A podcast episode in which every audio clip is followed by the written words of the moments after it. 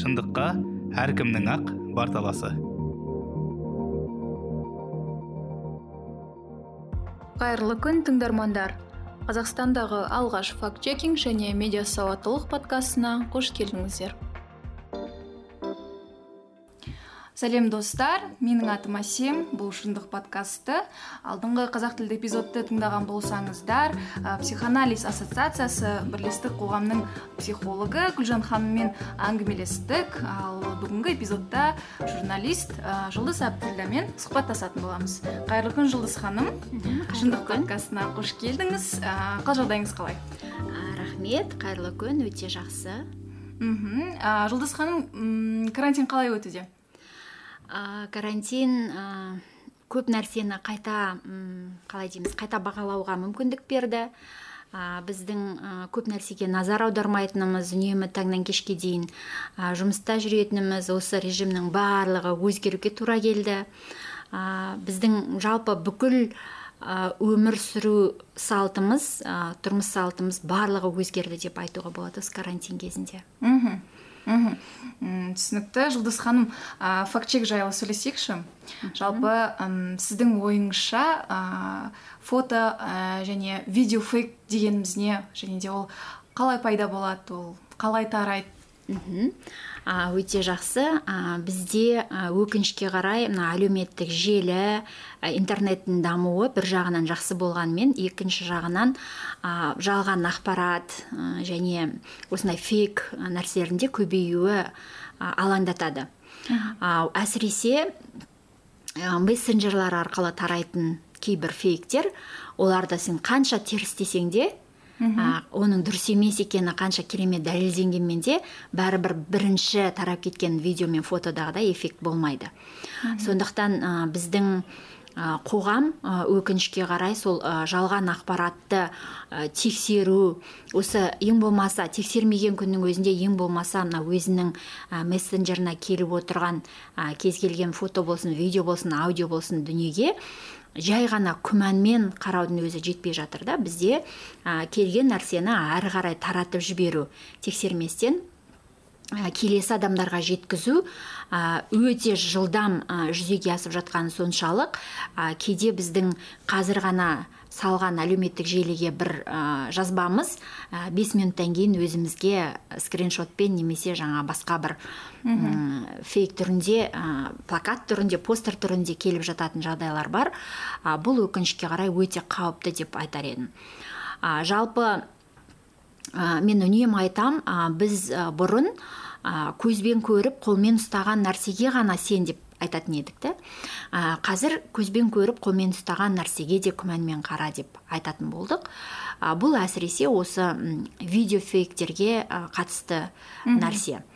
Ә, адамдар ә, көргеннен кейін мен өз көзіммен көрдім видеода тұр ғой деп айтады да.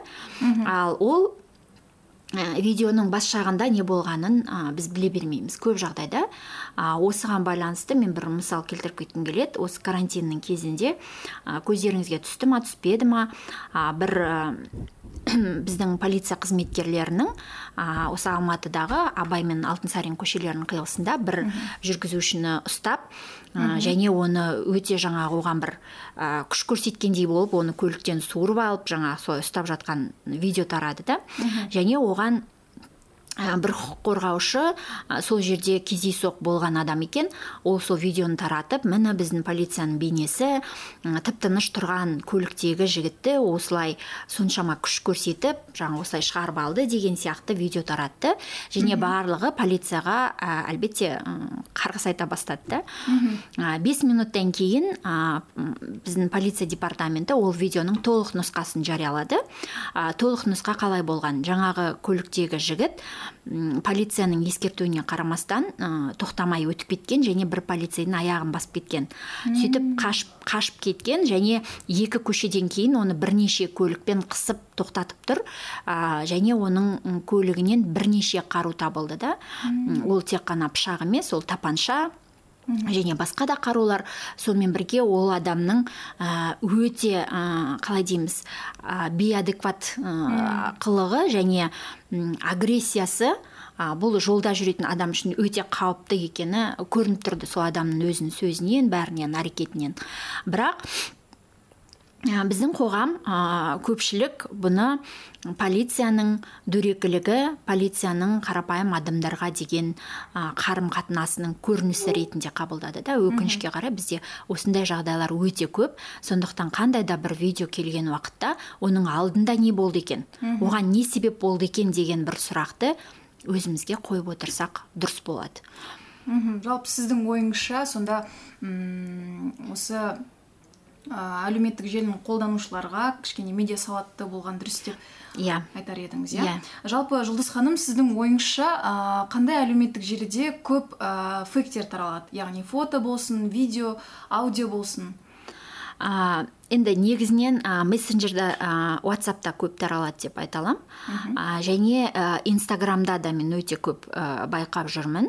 Әсіресе а, естеріңізде бар ма жоқ па осы карантин басталып төтенше жағдай жарияланған кездерде өте көп болды. Жаңа бізге а, қытайларда келіп жатқызып жатыр екен. Мына жерде коронавируспен бәленбай адам жатыр екен деген сияқты нәрселер. Және адамдардың кейде тіпті қарапайым адамдар емес а, журналистердің және белгілі бір жауапкершілігі бар адамдардың да а, назар аудармай ә, сондай кейбір ақпараттарды тарат, таратуға әуестігін байқалды. Ә, мысалы осы алматы облысының бір ауылында ә, жаңа карантинге жатқызуға же- жергілікті жаңағы емхананы бөлген да соған байланысты мына жерге коронавируспен ауырып жатқан 80 адамда келе жатыр екен деп сол аудиолар видео фото тарады. Әлеуметтік желілерде және сол ауылдың тұрғындары жиналып жаңа амбулаторияны қиратып терезелерін шағып оның ішіндегі жаңа төсектерді далаға лақтырып дегендей сондай жағдайлар болды да. Бұл яғни бір жалған ақпараттың қаншама адамға кері әсері. Кейде бізде журналистердің өзі де а, былай жауапкершілікті сезінбей белгілі бір ақпараттар тарата береді. А, осы м, коронавирус ә, бастал, басталмай тұрғанда ә, біздің елімізде тіркелмей тұрғанда деп айтайықшы қазақстанда әлі тіркелмеген кезде біздің бір әріптесіміз ал ә, шықты коронавирус деп ә, жариялады да сонда барлығы міне бізден жасырып отыр деп. Ә, шын мәнінде біздің халықтың ә, бір ә, енді бұл жерде халықты кінәлауға болмайды. Бұл жерде биліктің үнемі бір нәрсені жасырып қалуы халыққа есеп бермеуі осының барлығы жиналып келіп біздің халықтың билікке деген сенімсіздігін тудырған екен да біз биліктің кез келген нәрсесіне сенбейді екенбіз. Және бізде ешқандай жаңа коронавирус жоқ тіркелген жоқ деген кезде адамдар сенген жоқ. Әлі күнге дейін бізде осыған сенбейтін адамдар өте Иә. көп та. Иә. неге? Өйткені м, бізде жаңағы бұл ақша жасау деген көзқарас бар. Ал енді былай қарасаңыз жарайды қазақстанның билігі сондай халыққа жаны ашымайтын тек өзін ғана ойлайтын болсын дейік. А бүкіл әлем онда неге осындай халге түсіп отыр. Мысалы қазір бірінші орында тұрған мысалы америка иә америка құрама штаттары. Дамыған ел демократиясы дамыған ел. Неліктен америка сонда солай жасап отыр? Неге? Европа мысалы қараңыз франция дейміз ба германия италия испания. А, тіпті ең а, мына дүние жүзіндегі а, бүкіл индекстер бойынша халқының тұрмысы бойынша жаңа коррупцияның жоқтығы жөнінен алғашқы орындарда тұрған швецияның жағдайын қараңыз мысалы олардың бәрінде қандай саяси ойын болып жатыр? Бізде әлі күнге дейін жаңа адамдар бұл саяси ойын деген нәрсеге сенетіндігі. Сосын біз а, біздің қоғамда бір ақпаратты естігеннен кейін оны бір жарым жартылай әйтеуір бір естіп Иә. алса жаңағы сымсыз телефон бірінен біріне кете береді де ол жаңағы самауырынан су ақты деген соңында самауырды ә, самарқанды су, су алды болып естіледі. Мысалы осы жақын күндерде өте көп айтылған бір нәрсе бар. Ә, кез келген басқа бір аурудан өлген адамдарды коронавирус деп алып кетіп жатыр екен деген. Ә, жақында менің өзімнің ә, жақын туысымның туыстары қайтыс болды. Ә, жалғыз өзі үйде болғанда инсульт алып құлап қалған. Ә, сол қайтыс болғанда екі күн жатып қалған екен. Үйде адам жоқ жалғыз екен де жатып қалған. Сосын келгенде бірінші коронавирусқа тексереді екен қазір. Сөйтіп алып кеткен. Сосын бұл кісілерге жаңағы бәрі айтқан вот қазір елдің бәрін коронавирус деп жаңағы екі мешок хлор сеуіп көміп тастайды екен деп. Бұлар уайымдап ә, моргке барып анда барып мында барып бұның жаңағы анализінің результаты 12 сағаттан кейін шығады депті. Ол өзі екі сағат екі күн жатып қалған адам. Одан кейін 12 сағат күтті бірақ отрицательный анализ шыққаннан кейін оларға ешқандай ә, претензия болған жоқ. Ары қарай уже жаңағы басқа органдар айналысып ә, солай жерледі то есть бізде ә, халықтың соншалық ә, мына билікке деген сенімсіздігі сол айналып келгенде қазір біздің мына медиа сауаттылығымыздың өте төмен екенімен қосылып ә, бір өте ә, катастрофический деп айтсақ болады иә. жағдайда болып тұр. Мхм мхм түсінікті. Жалпы осы ә, фотоның жалғандығын біз қалай анықтай аламыз? Енді ә, негізі ә, бұның енді әртүрлі жолдары бар ғой программалар бар. Мысалы факт kz сайтында фотоны да видеоны да қалай анықтайтынның ә, несі тұр. Анықтама. Анықтамалық нұсқаулықтары тұр иә? Бірақ енді одан гөрі ең қарапайым нұсқасы ең ең өте қарапайым нұсқасы жай ғана назар салып қарау. Мәселен былтыр ә, арыста жарыс болған кезде ә, бір ә, фото барлық мессенджерде тарады. Жаңа машинеде көлігінде өртеніп кеткен адамды шығарып жатқан фото. Соған барлығы міне мынау арыста деп тарата бастады да. Бірақ ол ә, жаңағы мәйітті жаңа өртеніп кеткен мәйітті шығарып жатқан адамдар қалың куртка киіп тұр да. Енді мамыр айында арыста қандай ыстық ә, кім кім куртка киіп жүреді деген сұрақ ә, ешкімнің басына келмеген сияқты.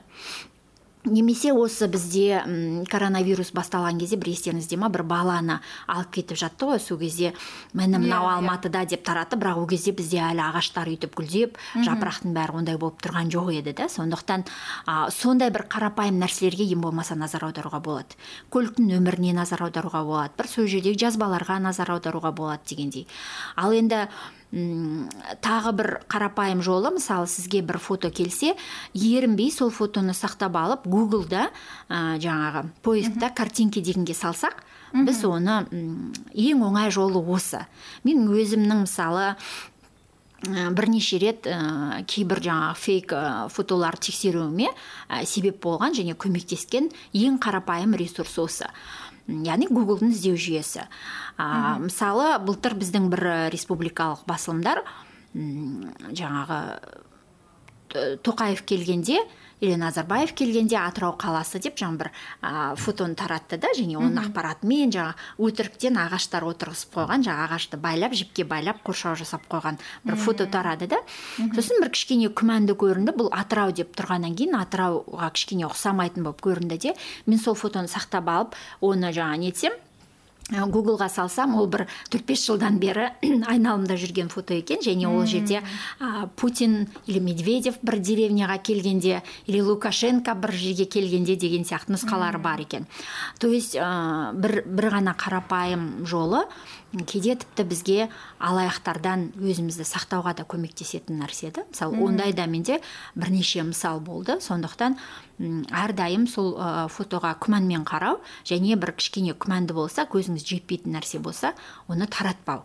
Мхм ең болмаса солай біз өзімізді өзіміздің айналамызды жалған ақпараттан сақтай аламыз. Мхм. Жалпы сіздің ойыңызша оны кез келген адам қолдана алады ғой сонда? Үйрене алады ғой? Кез келген адам қолдана алады. Мысалы фотоны сақтап аласыз. Жаңағы келіп тұрған фотоны я болмаса бір газетке шыққан фотоны сақтап аласыз да одан кейін гуглдың жаңағы картинки деген жеріне басып сол фотоны салсаңыз ә, жүктесеңіз соған ұқсас ә, фотолар қай кезде бар екені шығып тұрады да. Бұл енді ең қарапайым жолы. Ол жерде жаңағы датасы басқасы мынау ә, бір разрешениесі немесе фотошопқа салып оған қандай үстіне қойылғаны дегенді қарамай ақ ең бірінші кезекте осы мына фото рас па рас емес па осындай бар ма жоқ па дегенді тексеруге бір ғана қарапайым жолы осы ә, гуглдың іздеу жүйесі. Ә, яндекстің іздеу жүйесі бар басқа іздеу жүйелері бар. Немесе жаңағы фактчек сайтында тұрған ә, мануалдарды пайдаланып кез келген адам ә, фотоны да видеоны да тексере алады деп ойлаймын. Мхм түсінікті. Ә, жұлдыз ханым ә, видеофейктерге көшейікші. Жалпы ә, видеофейктерді қандай ә, біз құралдар арқылы тексере аламыз?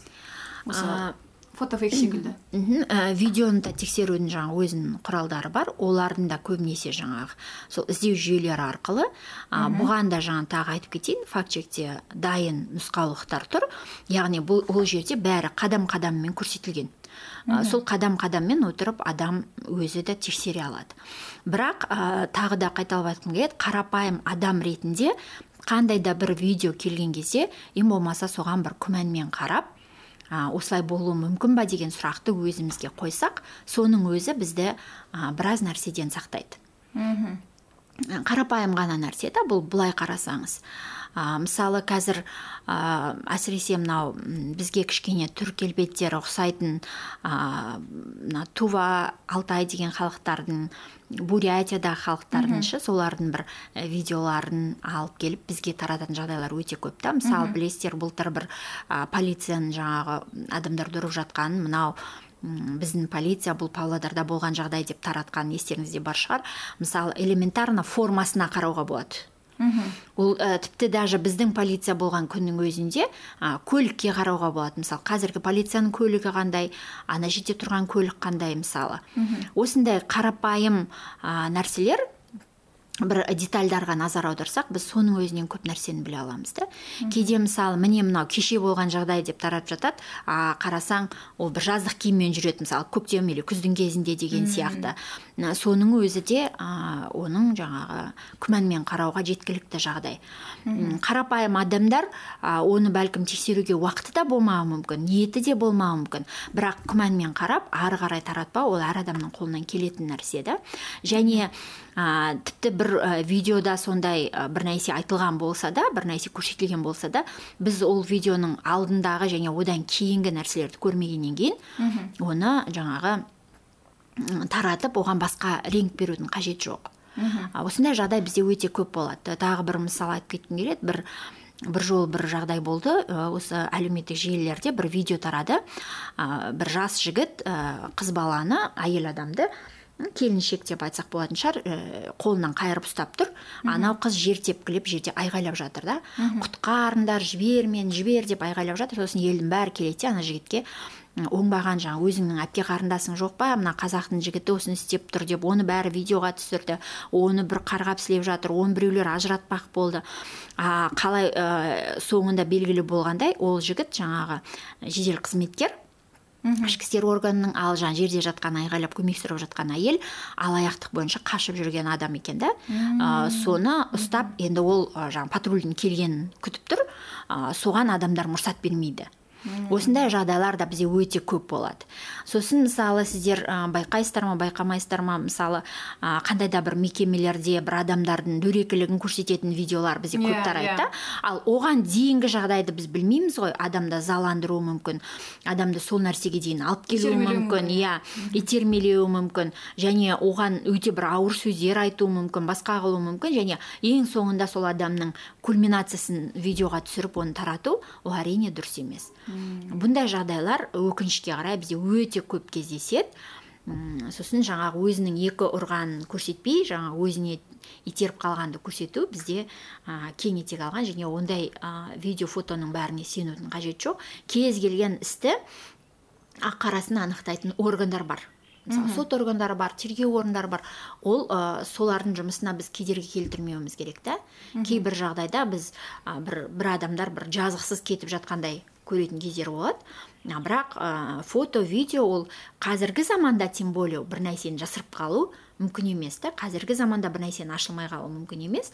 Сондықтан кез келген бір ә, видео не фото келгенде оны ары қарай таратып мына оған өз жанымыздан бір қандай да бір сөздер қосып ә, керісінше оны көбейту қажет емес. Мхм.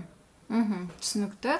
Ә, жұлдыз ханым осы қазіргі таңда ә, жасанды интеллект деп айтамыз иә? Осы жасанды интеллект ә, қатты дамуда жалпы м, осы факт чекте м, жасанды интеллект арқылы фейк таратуға бола ма?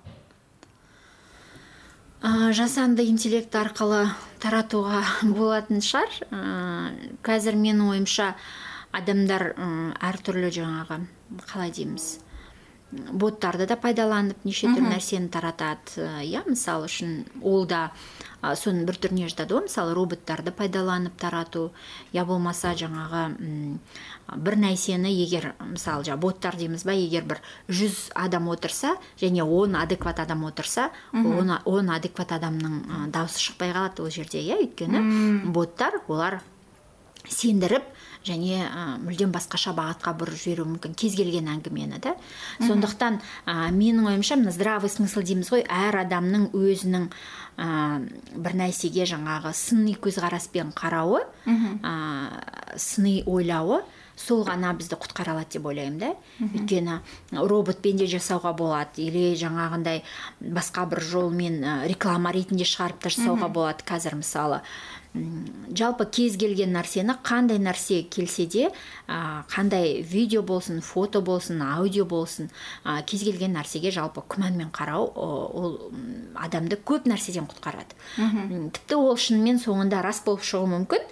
Бірақ біз соны таратпай қалғаннан ешкім ұтылмайтынын түсінуіміз керек та а, бір ватсапқа келген хабарламаны келесі бір топқа или келесі бір адамға жібермегеннен а, біз де ұтылмаймыз олар да ұтылмайды. Еститін нәрсені адам кез келген уақытта естиді.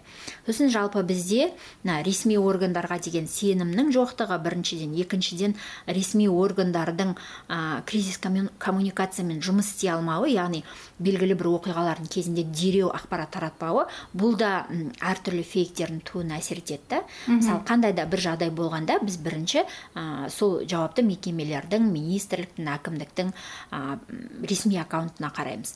Оларда ешқандай ақпарат тұрмағаннан кейін біз не жасырып отыр деп ойлаймыз не болмаса басқа ә, бізге айтуды қажет деп таппады деп ойлап ары қарай оны жаңа таратып қоздыра береміз.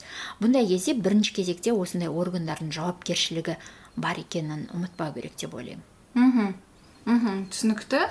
Жалпы ә, кейбір адамдар айтады осы видео фотофейктің ә, көмегімен ә, қылмыскерлерді қылмыскерлерді анықтауға болады дейді. Жалпы сіздің ойыңызша бұл рас па? Ә, қылмыскерлерді анықтауға болады деген білмеймін. Қалай анықтауға болады? Мысалы видео фейк фото фейк. Мысалы ә, суреттердің ә, мысалы бір ә, видео болды. М, ә, сол видеода ә, бір военныйдың ә, қайда уақыт өткізгенін не істегенін қандай не жасағанын сол сияқты бір осындай ақпараттар болды да. Яғни сондай бір бізде өзімізде қазақстанда осындай мысал келтіре аласыз ба жалпы? Әлде ондай біз деңгейге әлі жеткен жоқпыз ба? Ондайды білмеймін. Ә, бірақ ә, фейк емес мысалы қандай да бір ә, адамдардың өз арасында жеке бір видеоларын тарап кетуінен а, кейбір адамдарды жауапқа тарту мысалы бізде де болып жатқанын түсіну керек та. Мысалы бізде кейде айтады ғой. Жоқ ол ә, көбінесе бізде ресми органдар. Ол бұрын болған нәрсе или ол бізге қатысы жоқ деген сияқты жауап айтқанмен шын мәнінде ә, көп жағдайда видеода тарап кеткен нәрсе үшін әйтеуір бәрібір белгілі бір шенеунікте жауап беруіне тура келеді да. А, мысалы қарапайым ғана осы карантин кезінде болған бір ауданның прокуроры мысалы моншада жүрген. Иә. болмаса бір облыстың сыбайлас жемқорлыққа қарсы а, басқарма ма департаментінің қызметкерлері. А, сол сияқты жағдайлар мысалы егер ондай видеолар фотолар тарап кеткен жағдайда олар үшін міндетті түрде белгілі бір адамдар а, жауапкершілікке тартылады немесе жаңағы заң алдында жауап береді. Ал енді фейктердің көмегімен қылмыскерлерді анықтау деген шын айтса онша білмейді екенмін. Иә мүмкін біздің әлі ондай үлкен бір деңгейге жетпеген шығармыз. Негізі мен осында біріне қосып кетсем осы жақында м, шымкент қаласында ә, осы жас жұбайлар біз шымкент қаласында дендропарк деген жер бар. Сол жақта аппақ көйлекпен ана кәдімгідей кептерді ұштыртып сүй- ұш- ұшырып сөйтіп әйтеуір сондай бір суретке түсіріп сөйтіп жатты да. Сосын бір блогер алды оны міне шымкентте той басталып кетті карантин уақытында рұқсат бермеген еді ғой деп. Сосын алды да сөйтіп ә, анау екі жұбайға осындай штраф салды.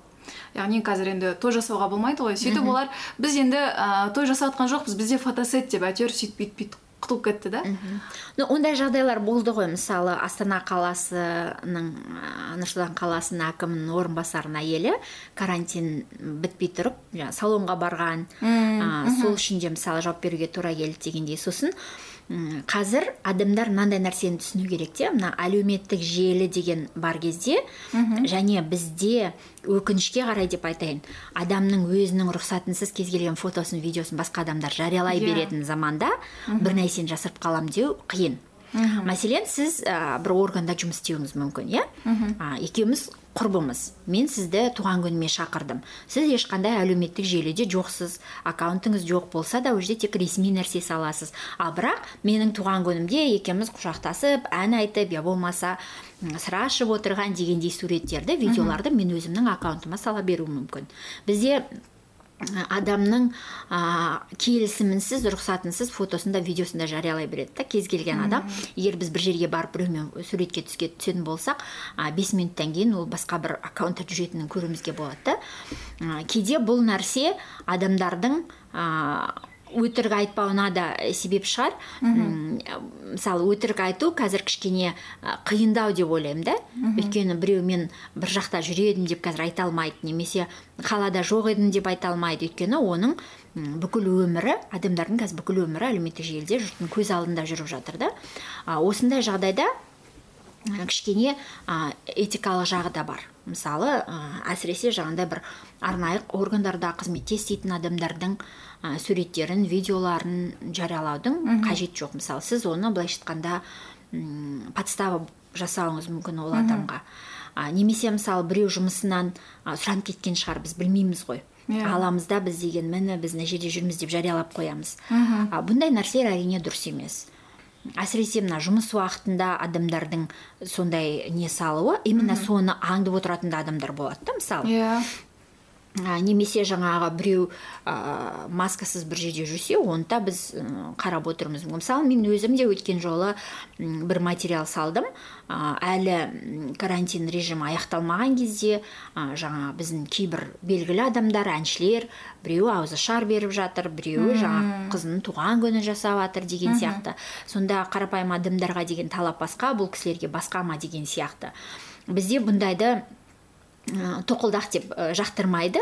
А бірақ негізінде ә, бұл да бір ә, жауапкершілік деп ойлаймын да. Қандай да бір жерде ә, мысалы біреу бір нәрсе жасап жатса соны көріп қалдыңдар ма үндемей отыра бермейсіңдер ма деген көзқарас болмау керек та өйткені ә, қоғам сондай жағдайда ғана тәртіп орнайтынын түсіну керек. Тәртіп және баршаға ортақ болу керек та бізде өкінішке қарай ә, белгілі адамдарға келгенде атақты адамдарға келгенде «Е, кешірімді ғой ондай адамға деп қарайды да. Керісінше ондай адамдар бірінші кезекте жауапты болу керек та иә. Ә, мәселен осы карантин ә, төтенше жағдай жарияланып жатқан кезде ә, кейбір таныстарымның бір бірінің үйіне қонаққа барып жүргенін көріп отырдым да әлеуметтік желіден қазір ештеңені жасыра алмайсың қазір бәрін көріп отырасың. Әрине мен бір екі танысыма жекесінде айттым. Сендер қанша дегенмен журналистсіңдер сендерге қарап қаншадан бой түзейді мынандай нәрсені жариялауларың дұрыс емес деп. Яғни әр адам солай қарау керек деп ойлаймын да. Бір жағынан бұл адамдарға ойлануға да не беретін шығар. Ал екінші жағынан қазір шын айтса бір жерге баруға біреумен кездесуге де кейде қорқасың өйткені сенен кейін оны біреу жариялап та жіберуі мүмкін. Және бізде адамның жеке парақшасындағы жазбасын суретін басқасын мүлдем басқа тұрғыда бұрмалап өздеріне материал етіп контент жасап отырған. Иә. тырнақшаның ішінде сайттар бар. Сондықтан ә, бұндай кезде өте ә, адам әр адам жаңағы жауапкершілікпен қарау керек деп ойлаймын әр өзінің ісіне. Мхм. Алдында біз ә, психологпен эпизод жазған кезде ә, осы психолог ә, психолог былай айтты да м, кейбір адамдар ә, осылай ә, мысалы инфлюенсерлерге қарап ә, бой түзеді дейді. Яғни олар не істесе олар сол нәрсені норма ретінде көреді. Мысалы ондай адамдарды өзіне сенімсіз адамдар деп айтады. Және менің ойымша осындай қазір фейктерді осы видео фотоларды сондай адамдар тарататын секілді. Және де ә, мысалы карантинді бұзып ә, ауызашарға барып дегендей сол сияқты нәрселерді осы ә, олар үшін маңызды осындай анау инфлюенсер секілді осындай адамдар жасайтын сияқты деп ойлаймын мен. Өзім. Иә ә, сосын былай ғой бізде адамдар бір нәрсені айтқанда жасағанда жауапкершілік деген нәрсенің бар екенін сезінбейді да. Мынандай нәрсе бар ғой ауыздан шыққанша сөз адамның тұтқыны ауыздан шыққаннан кейін адам сол сөздің тұтқыны дейді. Иә осыны бізде ескермейтін жағдайлар өте көп. Мысалы осы карантиннің кезінде бір жағдай болды. Жанат бақыт деген ол енді салыстырмалы түрде бір белгілі адам деп айтуға болатын шығар. Журналист тележүргізуші. Ол үнемі жаңағы ой бұл өтірік ауру бұнда ешқандай да коронавирус жоқ деген тұрғыда жазып жүрді да. Бірақ мен енді оған аса бір назар аудармай жүрдім. Бірақ бір күні ол былай деп жазды. Өзінің өте жақын адамымен арасындағы әңгімені жазды сонда былай деп жазды. Ә, мен осы коронавирусқа соншама сеніп жүрсем көңілім қалды. Бастықтар 45 солдатты сондай ауру деп жазыңдар деп жатыр деп айтты дейді да. Сосын мен енді бірден оны скриншоттап және ішкі істер министрлігін денсаулық сақтау министрлігін белгілеп мынау не жағдай? Мынаны анықтап жауап берулеріңізді талап етеміз деп жаздым. Ә, егер рас болса онда бұған жауап беріңіздер. Егер жалған болса оны тексеріңіздер деп. Сосын бірден мен жекеме жанат жазды. Мен ойланбай жаза салыппын алып тастайсыз ба деп. Сосын мен жоқ мен бұл жазбаның тексерілгенін қалаймын деп жаздым да. Яғни бұл нені көрсетеді? Бізде адамдар ә, кез келген бір нәрсені тарата салған кезде ешқандай ештеңені ойламайтынын жауапкершілігінің жоқтығын көрсетеді да. Сіз өзіңіздің парақшаңызда мен не жазсам да өзім білем деп қарамауыңыз керек. Мына жалған ақпарат таратқан үшін кәдімгідей жаза бар екенін түсіну керек та адам. А, жалған ақпарат таратқан үшін қаншама адамдар қылмыстық кодекс бойынша жазаланып мысалы түрмеде отыр да қазір. А, белгілі бір адамдар мұндай ә, былайша айтқан кезде ә, қалыпты нәрсе деп қарап күнделікті жалған ақпарат таратып және ештеңке болмай ақ жүрген жағдайлар бар. Бұл әрине әділетсіздік. Сондықтан ә, әсіресе мына елдің алдында жүрген адамдар мысалы мен былай ойлаймын да ә, менің ә, аккаунттарым бәрі жабық. Инстаграмда да фейсбукта да жабық. Ә, және мысалы фейсбукта менде бір мың бір жүз ғана ма адам бар. Олардың мен 95 процентін жүзбе жүз танитын адамдарым. Мен бір бес процентін сырттай тануым мүмкін қалған 95 процентін мен жүзбе жүз танимын. Инстаграмда 99 пайыз мен жүзбе жүз танитын адамдарым да яғни маған жазылған. Ол жабық аккаунт. Мен таратқанда өзімнің достарымның ғана арасында таратып отырмын деп есептеймін. А бірақ көп адамдардікі ашық аккаунт және жазылушылар бар. Яғни сен бір нәрсені таратқан кезде сен сонша адамға ақпарат таратып отырғаныңды сезінуің керек те. Мен сол мың адамның өзіне ә, оны жұлдыз айтты ғой. Яғни өтірік емес шығар деп ойламас үшін де ә, мысалы кейбір нәрселерді білетін нәрсемнің өзін жазбай қаламын. Өйткені ол белгілі бір араздық тудыруы мүмкін белгілі бір ә, толқу тудыруы мүмкін наразылық тудыруы мүмкін да? Сондай жазбаларды мен саналы түрде жазбай қаламын. Және ә, кезінде ә, не для печати деген нәрсе болатын да? Ә, мысалы кез келген бір баспасөз ә, конференциясына барғанда немесе сұхбат алғанда бізге сұхбат берген адамдар кейбір нәрселерді өзің үшін біліп жүр. Бұл басуға емес жазудың қажеті жоқ бұны деп айтатын. Ол шын мәнінде дұрыс оны жазуға болмайды өйткені оны жазғанмен ертең бізді сотқа берсе біз дәлелдей алмайтын жағдайлар иә? Яғни не для печати деген нәрсе ол не для печати болу керек. Бірақ өкінішке қарай бүгінгі күні көп адамдар бұған да мән бермейді да. Біреудің ә, жеке переписка немесе біреудің yeah. өзара айтылған әңгімесі де бір қарасаң жаңалықтардың ә, тырнақшаның ішінде жаңалықтардың сайтында өзіңнің алдынан шығып тұратын жағдайлар болады. Бұның бәрі әрине дұрыс емес және бұл біздің халықтың адамдардың соның ішінде тіпті белгілі адамдардың журналистердің ә, жауапкершілігі төмендеп бара жатқанын көрсетеді. Иә. Толықтай келісемін сізбен. Ә, жұлдыз ханым сізге көп көп рахмет. Ә, сіз берген ақпарат тыңдармандарға қызықты және пайдалы болды деген үміттемін. Ә, құрметті тыңдармандар ә, біздің уақытымыз аяқталды. Карантиннің соңғы күндерін сабырлықпен күтіп сақтану шараларын бұзбауға тырысайық. Келесі эпизодта кездескенше. Сау болыңыздар.